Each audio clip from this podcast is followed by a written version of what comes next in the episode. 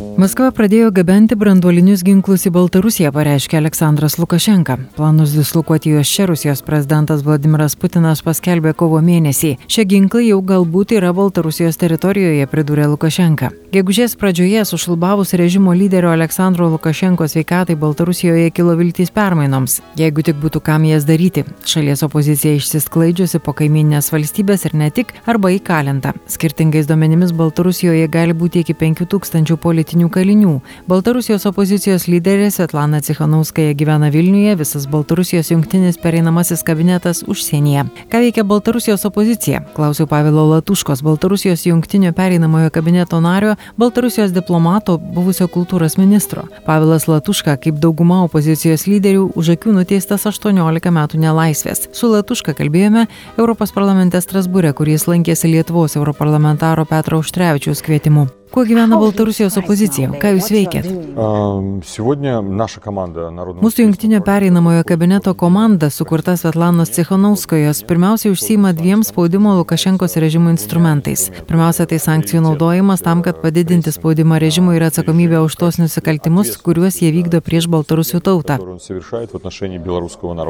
Kaip tai atrodo? Mes koordinuojam tarp visų iniciatyvų ir akumuliuojam pasiūlymų sankcijų politikai politikai bei perduodam juos Europos komisijai, Europos išorės veiksmų tarnybai, konkrečioms ES šalims, kad jos galėtų peržiūrėti ir įgyvendinti. Deja, 11 mėnesių ES negali priimti sankcijų paketo, kuris užblokuotas dėl kai kurių Europos šalių noro išbraukti kalio trašas iš ankstesnių sankcijų paketų ir leisti Lukašenkos režimui pardavinėti kalį bei gauti už tai milijardus dolerių kasmet. Mes tai laikom visiškai klaidingų požiūrių, nes situacija Baltarusijoje tik blogėja. Ji vis blogesnė ir blogesnė pagal teisų gynimo organizaciją organizacijos Vesna skaičiavimus pas mus pusantro tūkstančio politinių kalinių. Mūsų kabineto narės atsakingos už politinių kalinių teises Olgos Gorbunovos skaičiavimu tai 5000 politinių kalinių. Kalėjimuose naudojami kankinimai, kalėjimuose dinksta žmonės. Tai ir Nikolajus Tatkevičius, mes nežinom kur jis, Viktoras Babarika, Marija Kolesnikova ir daugelis kitų.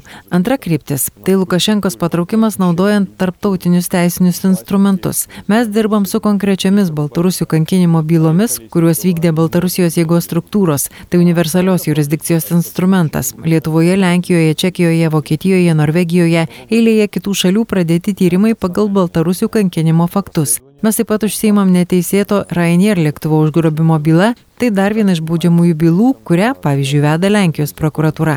Taip pat nelegali migracija, hybridinis karas. Dėl to taip pat yra baudžiamoji atsakomybė ir taip pat vykdomas Lenkijos prokuratūros tyrimas.